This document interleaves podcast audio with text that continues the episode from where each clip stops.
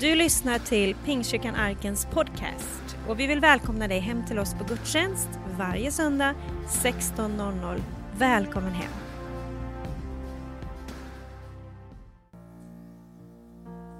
Alltid gott att få eh, lovsjunga Gud och tillbe honom och ära honom och upphöja hans namn. Och, eh, vi eh, är så tacksamma att få bo i ett land där man kan få ha religionsfrihet som här och eh, få sjunga till en Gud som man älskar. Det är en otrolig glädje. Eh, jag ska tala alldeles, alldeles strax här nu om ett område, ett ämne som ligger mig varmt om hjärtat och det är församlingen. Jag ska tala om kyrkan med mål och mening. Jag kommer ihåg en, eh, en berättelse jag hörde av en man som heter John Hedlund, en riksevangelist inom Missionsförbundet.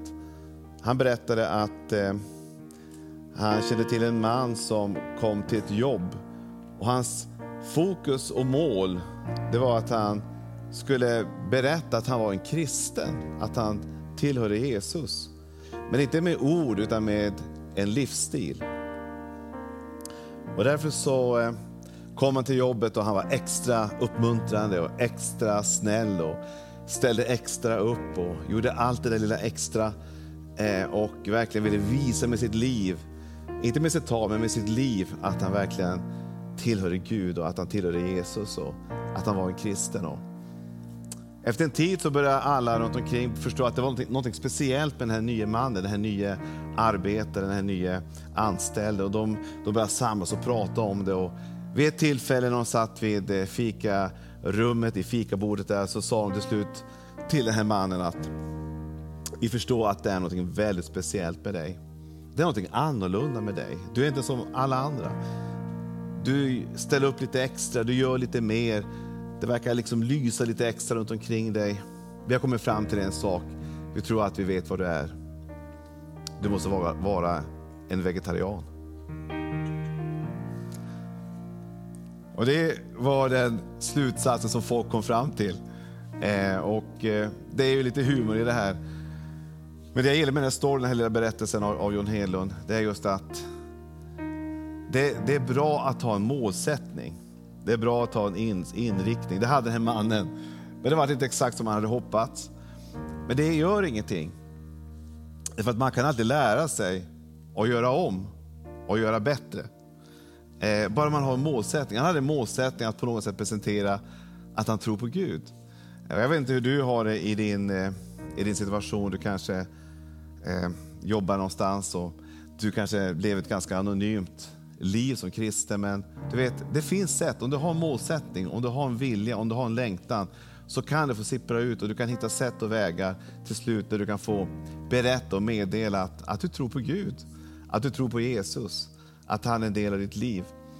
Bara man har ett mål med någonting så hittar man en väg, så hittar man ett uttryck, så hittar man någonting som leder fram till det man längtar efter. Och Det jag ska tala om lite grann är att, att Gud vill också att inte bara individuellt att vi ska ha mål med våra liv, utan Gud vill också att vi ska ha mål med vår kyrka. Jag tror på en kyrka som har både mål och mening. Eh, och Det innebär inte att vi är fullkomliga. Vi gör kanske lite grann som den här killen som skulle berätta om sin tro på Gud och vill inte berätta med sin, sitt tal utan med sitt liv. Och Det kan bli lite olika uttryck av det. Vi, vi kan göra ibland saker och ting, men vi har den goda viljan. Vi vill någonting. Vi vill framåt. Vi vill se någonting ske. Och Man kan alltid utvärdera och ta det vidare framåt. Det är några saker som jag skulle vilja peka på när det gäller församlingen, som Gud vill att vi ska upptäcka att det finns ett mål med församlingen som man inte kanske alltid upptäcker om man inte läser Bibeln och upptäcker vad Bibeln säger för någonting. Många kanske har olika tankar om, om kyrkan. Jag vet en del som inte är i kyrkan, de tänker att det är väldigt, väldigt tråkigt i kyrkan. Det är ingenting som är relevant. Men du vet, kyrkan, när du kliver in i den och upptäcker vad det är för någonting, så är det inte trå tråkigt i första hand. Det är inte alls det. Utan det är någonting som kan transformera ditt liv, som kan förändra ditt liv, som kan göra att någonting sker med ditt liv som är helt enastående. Min första kontakt med, med kyrkan det var ju via statskyrkan, det var ju via konfirmationen och andra sätt. Men det, jag tyckte alltid att det fanns någonting där som attraherade mig och som liksom lockade mig vidare in i att upptäcka det djupa i själva kyrkan, vad som finns där i centrum av allting. Det är ju självklart Jesus som är i centrum. Och efter några år så upptäckte jag själv, när jag var kring 20 år, att, att Jesus han finns i kyrkan. Det gjorde att, att alla andra tankar kring kyrkan det bara försvann. Jag bara kände att det centrala i allting det är en person, det är Kristus. Inte byggnaden, inte allting som finns runt omkring, utan framför allt så är det, är det Jesus Kristus. Eh, men kyrkan är mycket mer än att bara få komma samman i en gudstjänst. Det är mycket mer än att bara ha en fin gemenskap. Det är mycket mer än att bara känna att man har en tillhörighet. Det finns något Gud vill göra med oss enskilda människor. Det finns ett mål och, med, och en mening med att vi kommer samman, att vi kommer tillsammans på olika sätt och att vi gör en vandring som kyrka gemensamt. Jag ska bara nämna några tankar där. I Efesierbrevet 4 och 11-13 står det så här. Och han gav några till apostlar, andra till profeter, andra till evangelister och andra till herdar och lärare för att utrusta de heliga till att fullgöra sin tjänst och bygga upp Kristi kropp tills vi alla når fram till enheten i tron och i kunskapen om Guds son som en fullvuxen man med ett mått av mognad som motsvarar Kristi fullhet. Ska du upptäcka glädje med kyrkan, verkligen få upptäcka vad kyrkan egentligen är för någonting och vad det faktiskt kan bidra med in i ditt liv på ett djupare plan än att bara konsumera kanske vissa typer av gudstjänster. Det är faktiskt att upptäcka att Gud vill att du ska tjäna och vara med och bygga. Det är först när du börjar bidra med någonting som du upptäcker glädjen i kyrkan. Vi kan eh, komma in som besökare, men Gud vill faktiskt att du ska ta ett steg till och bli en byggare. Jag upptäcker på olika typer av sociala medier och sånt att folk älskar att berätta och visa upp vad man bygger för någonting. En god vän till mig han har nyss lagt en stor stenaltan. Han vill gärna visa det och visa upp det för hela världen. Det finns något i oss som vill visa när vi bygger, att vi gör någonting. Det finns ett behov i oss att vara med att någonting utvecklas och förmeras. Vi vill använda våra talanger och våra gåvor i det. Och Då känner vi slags väldigt ägandeskap, och tillhörighet och gemenskap i den resan. En del människor de vill bara bygga sina muskler, det är inget fel i det heller. Eh, de visar alla möjliga olika typer av situationer och klipp när de är vid olika typer av redskap. Det är någonting i oss som vill bygga, som vill få det att växa lite grann. Gud vill att du ska upptäcka glädjen i att få vara med om att bygga Guds församling. Att bygga Guds hus, att bygga Kristi kropp. Det är bland det mest meningsfulla, det är det mest meningsfulla som man kan få uppleva som människa. Det är att få vara med om att få se någonting av en Guds rikes plats växa i en stad, i en, i en bygd där du befinner dig. Eh, Gud har lagt någonting i det, det finns ett syfte med kyrkan. Det är att du ska få vara med, att känna att du med din gåva kan få vara med och tjäna Gud. Gud har inte kallat dig till passivitet. Gud kallar inte dig till att bara vara bänknötare, som vi brukar säga ibland, eller konsument, eller finsmakare, eller åsiktstyckare. Utan Gud har tänkt att du ska vara med och bidra. Att du inte bara ska vara på läktaren, utan nere och spela på plan. Att du ska vara med och få vara med om att få göra lite mål också. Att sätta krysset någon gång, att vara med i ett lag som går vidare framåt och vinner. Gud vill att du ska vara med i någonting som för utvecklingen framåt, att förändra historien, att förändra situationer. Så Gud har lagt någonting i dig. Det finns en gåva någonstans där inne som Gud har lagt ner för ett syfte att vara med, att få bygga Guds församling. Bibeln säger så här, därför uppmanar jag er bröder vid Guds barmhärtighet att frambära era kroppar som ett levande och heligt offer som behagar Gud. Er andliga gudstjänst och anpassa inte efter den här världen utan låt det förvandlas genom förnyelse av ert sinne så att ni kan pröva vad som är Guds vilja, det som är gott och fullkomligt och behaga honom. I kraft av den nåd jag har fått säga till var och en av er, ha inte högre tankar om er själva än ni bör, utan tänk förståndigt efter det mått av tro som Gud har tilldelat var och en. För liksom vi i en enda kropp har många lemmar och alla lemmarna inte har samma uppgift, så är vi många en enda kropp i Kristus, men var för sig är vi varandras lemmar. Det innebär, det jag upptäcker här, det är väldigt få lemmar som är helt passiva, som bara hänger och slänger. Utan de flesta lemmarna i kroppen är ju aktiva. Fingrarna är aktivt, vi, våra, våra kroppar är aktiverade. Om de inte aktiveras så förtvinar det och blir väldigt obrukbara. Men Gud vill att du ska vara en lem i en kropp, en del av en kropp som är aktiv. För du har en unik plats och en, en unik gåva som Gud vill ska vara till betydelse för någon annan. Att vara med och bygga upp Kristi kropp. Och du vet att när vi börjar bygga upp den här platsen med vår gåva, med det vi har, så kommer vi känna att wow, jag är med i ett team, jag är med i ett lag, jag är med i något spännande. Jag är med på en resa. Jag får se drömmar bli verklighet, jag får se visioner bli verklighet. Jag får se saker och ting som vi tillsammans föder fram bli en del av min verklighet. Och Du känner liksom att du är med i ett sammanhang som verkligen betyder någonting. Och Det kan bli ett sånt övertryck av, av uppbyggelse, där vi bygger upp varandra med kärlek, vi bygger upp varandra med uppmuntran, vi bygger upp varandra med tro, att det börjar spilla över. det går inte att hålla det längre i, i, innanför väggarna, utan det spiller över ut till andra människor som törstar och hungrar och längtar efter någonting genuint, någonting som är äkta och någonting som verkligen fungerar. Guds kärlek, Guds hopp. Eh, den typen av, av uppmuntran som du och jag har fått. Det finns någonting i Bibeln som jag tycker är spännande. Det står i Johannes evangeliet. Tjuven har bara kommit för att stjäla, slakta och döda. Jag kommer för att de ska ha liv och liv i överflöd. Gud vill att du ska ha inte bara nätt och jämnt liv, utan i ett överflödande liv. Faktum är att när man så får man köra. När man är med och bidrar så får man någonting tillbaka. Det blir en kickback. En del tänker att ju, ju mer jag sparar mig, desto bättre mår jag. Men faktum är att Bibeln är paradoxal.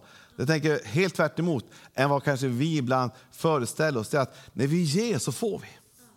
När vi sår så kommer en tillväxt. Det är svårt att få någonting att växa om man inte planterar någonting.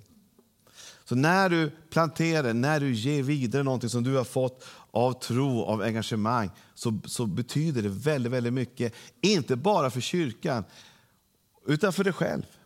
Du själv mår bra. Du själv växer och utvecklas.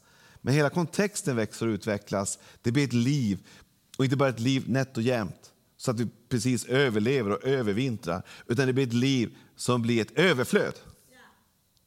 Och Gud vill att vi ska leva i en kontext där vi ständigt känner att när vi kommer hit så är den mest positiva platsen som finns här i Värnamo, det är kyrkan.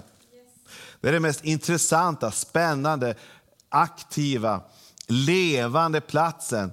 Så när jag kommer hit så, så bara känner jag hur kraft kommer över mig.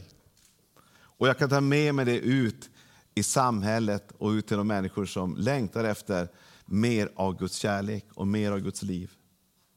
Så Bibeln vill ge dig uppmuntran att inte dra dig tillbaka, inte gå in i ett passivt läge, inte hamna i status quo, utan använd det du har. Du behövs, du är viktig. Alla kan få vara med i att få vara med att få bygga Guds rike och Guds församling och se hur den byggs upp, blir starkare för var dag och få vara med om att få göra skillnad och få vara med om att få hjälpa många människor som finns i vår bygd. Så Guds mål med församlingen är att det inte ska vara en liten periferi sak utan någonting i centrum, kyrka mitt i byn, det gillar jag. Målet är också att växa i enhet. Det ser när texten talar om att eh, Gud har gett oss olika typer av eh, gåvor till församlingen, pastorer som ska hjälpa människor att växa. Och en av de bitarna att växa till det är att växa till enhet. Du vet, om vi är splittrade så är vi inte speciellt eh, starka. Men, men ena där vi står, splittrade vi falla. Det finns en kraft i att kunna komma samman i en enhet. Och Gud vill att vi ska komma mer och mer samman i enhet i både vision, i drömmar, att vi vet vad vårt uppdrag är för någonting. Att vinna världen. När vi börjar liksom hamna i periferiområden och diskutera de bitarna, vilket vi behöver göra ibland, men vi, vi tappar det viktigaste, att vara med om att få bidra någonting in i samhället och förändra vår stad. Då hamnar vi lätt i, i olika typer av tyckande och tänkande. Och det är inget fel att ha det ibland, men någonstans måste man ta ett beslut att det här är ändå sekundära saker. Det viktigaste är att vi har en vision. Vi har en dröm. Vi vill någonting gemensamt. Det är därför vi kommer hit. Vi kommer inte bara hit för att konsumera, utan vi kommer hit för att bidra och bygga någonting som främjar drömmen. Att ha gemensamma värderingar. Vad är vi? Syftet och målet, visionen, det handlar om varför vi är här överhuvudtaget. Varför finns det en kyrka här i, i Värnamo? Eh, när det gäller gemensamma värderingar, det är vart är vi på väg någonstans? Vilka är vi? Vad är vi för någonting? Och vi, är, vi är inte människor som talar illa om människor runt omkring. Vi är inte människor som skvallrar om folk hur som helst. Vi är inte människor där man känner sig otrygg hela tiden. Vi är inte människor som på olika sätt eh, håller tillbaka och eh, ständigt liksom försöker vinna allt för egen del. Vi är inte människor som i första hand tänker när vi kommer in här, what's in it for me, vad finns det för mig? Utan vi är här för att vara Kristuslika. Vi är här för att sprida kärlek, vi är här för att uppmuntra någon. Vi bygger vissa värderingar och de värderingarna vill Gud att vi ska ha starkt gemensamt tillsammans som ett fundament som vi kan bygga ifrån. Det skapar enhet när vi vet vilka vi är. Och gemensam kultur, hur ska vi vara då? Hur ska vi vara mot varandra? Hur ska vi göra saker och ting? Gud vill ge oss en kultur som lyfter människor och som skapar ett gemensamt språk, en, ett, en gemenskap av identitet, någonting som för oss in i en enhet. Det står så här i Bibeln, i en av mina favoritbibelställen, i Apostlagärningarna 4. När de hade bett skakade platsen där de, där de var samlade och de uppfylldes alla av den helige Ande och förkunnade Guds ord med frimodighet.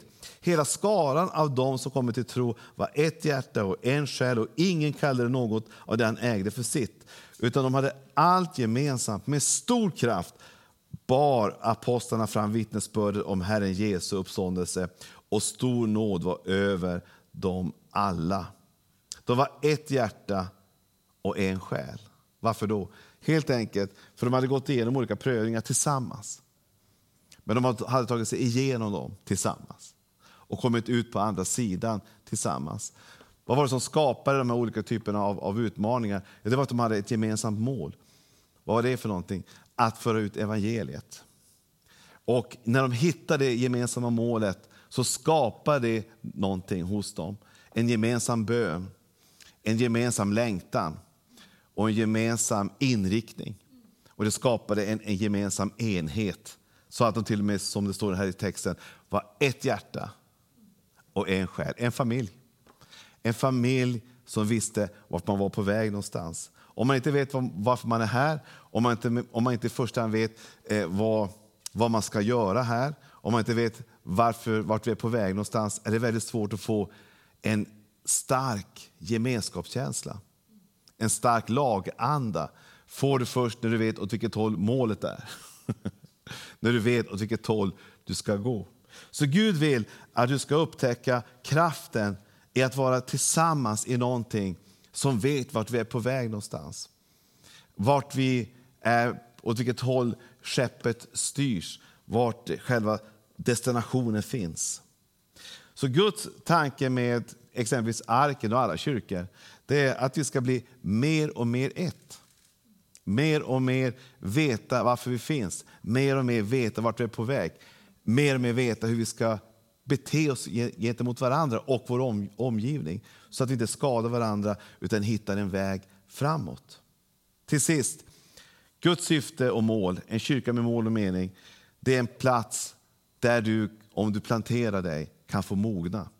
Gud vill att du inte bara ska vara en person som känner efter och vid minsta lilla vindpuss och, så, så liksom går man vidare till nästa ställe. Utan Gud vill att du ska upptäcka kraften i att plantera sig. Det är bara genom att plantera sig som man kan mogna. När man är med i en familj kan man inte bara byta familj mitt i alltihop. Utan, utan man är tillsammans i någonting. Och när man planterar sig så mognar man också. Gud vill att du ska mogna och växa. Det står så här i texten, som en fullvuxen man med ett mått av mognad som motsvarar Kristi fullhet. Vi är på olika sätt människor med känslor. Vi kan möta saker och ting som ibland kan vara utmanande. Men Gud vill hjälpa oss att kunna ha tålamod. Att kunna ha kärlek som överskyler många brister. Att kunna ha en attityd av att jag vill det bästa. Jag behöver inte alltid ha rätt, utan vi är på väg framåt tillsammans. Vi ska gå tillsammans. Mogenhet det handlar inte om att vara tuff och, och häftig. Utan mogenhet det handlar om att bli som Jesus. Hur var han? Om du läser Jesaja 53 och 7 så står det om Jesus. Han blev misshandlad, men han ödmjukade sig och öppnade inte sin mun. Som ett lamm som förs bort för att slaktas, som ett får som är tyst inför någon som klipper det. så öppnade han inte sin mun. Gud vill inte att vi ska tappa mognaden. Mognaden handlar framförallt om att hitta ett ödmjukt förhållningssätt till varandra. Att kunna lyssna till varandra, men också kunna bidra med det man har. Att kunna hjälpa varandra och stötta varandra. Gud vill få dig att upptäcka kraften i ett ödmjukt hjärta som har lätt att ge förlåtelse och lätt att ta emot förlåtelse. Det är mognad, det är att vara ödmjuk. Bibeln säger att de ödmjuka ska besitta landet. Det finns en välsignelse på andra sidan ödmjukheten. Jesus själv, han var ödmjuk står det. Han upplevde ibland orättvisor, men det gjorde inte att han lämnade uppdraget. Det gjorde inte att han blev defensiv och släppte allting och kastade in handduken. Utan när Jesus upplevde motgångar så gick han ändå hela vägen ända fram till det uppdrag han hade att dö på ett kors till sista blodsdroppen hade runnit ur honom. Han gav sig inte för små saker, för han hade en större bild. Han hade en större dröm. Han, han ville någonting mer än att bara vara defensiv vid minsta vindpust. Han ville hålla fast för att få se någonting ske och bryta igenom. Vad, vad, vad fick han av det? Han fick se miljoner människor bli räddade, bli frälsta och bli upprättade. Gud vill att du ska få ett sinne där du känner att du, att du klarar av mer än vad du trodde. Du klarar av missförstånd. Du klarar av att människor inte alltid applåderar dig. Du kanske inte alltid blir bekräftad eller sedd.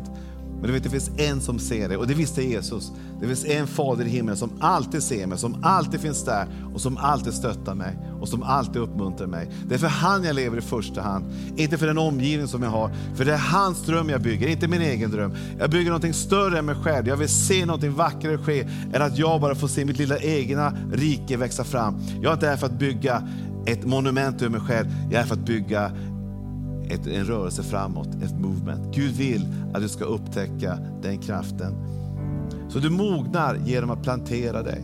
Du mognar genom att ge dig till en plats och en församling där du kan få se något starkt ske. Gud har stora planer för dig och han vill att du ska leva med ett syfte och ett mål. Gud är på din sida. Han älskar dig. Han är för dig. Låt oss be tillsammans. Herre, jag tackar dig för församlingen, Herre. Jag tackar dig för den person som just nu sitter och lyssnar, Herre.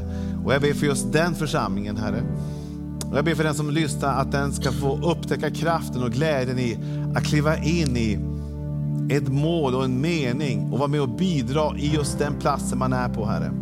Att inte vara passiv åskådare, inte bara vara en tyckare, utan också vara med på spelplanen och vara med om att få sätta mål i krysset en och annan gång, Herre. Tack Herre att du vill låta oss få vara med i ett lag Herre som är vinnande. För vi vet Herre själva slutfacit Herre. Vi har det i Bibeln. Att Guds församling går segrande igenom allt Herre. Tack att du välsignar församlingen Arken. Tack att du välsignar de församlingar som finns här i stan. Tack att du vill att varje församling ska få leva med ett syfte, ska få leva med ett mål och ska få leva med en framtid. Tack att du vill någonting enastående med den här platsen Herre, i Jesu namn. Och jag ber att människor ska få ta och komma tillbaka till syftet med att vara med i den levande Gudens församling. I Jesu namn. Amen.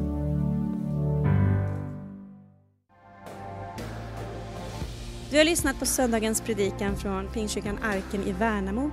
Vill du komma i kontakt med oss eh, hittar du oss på arkenvemo.se. Välkommen hem till oss.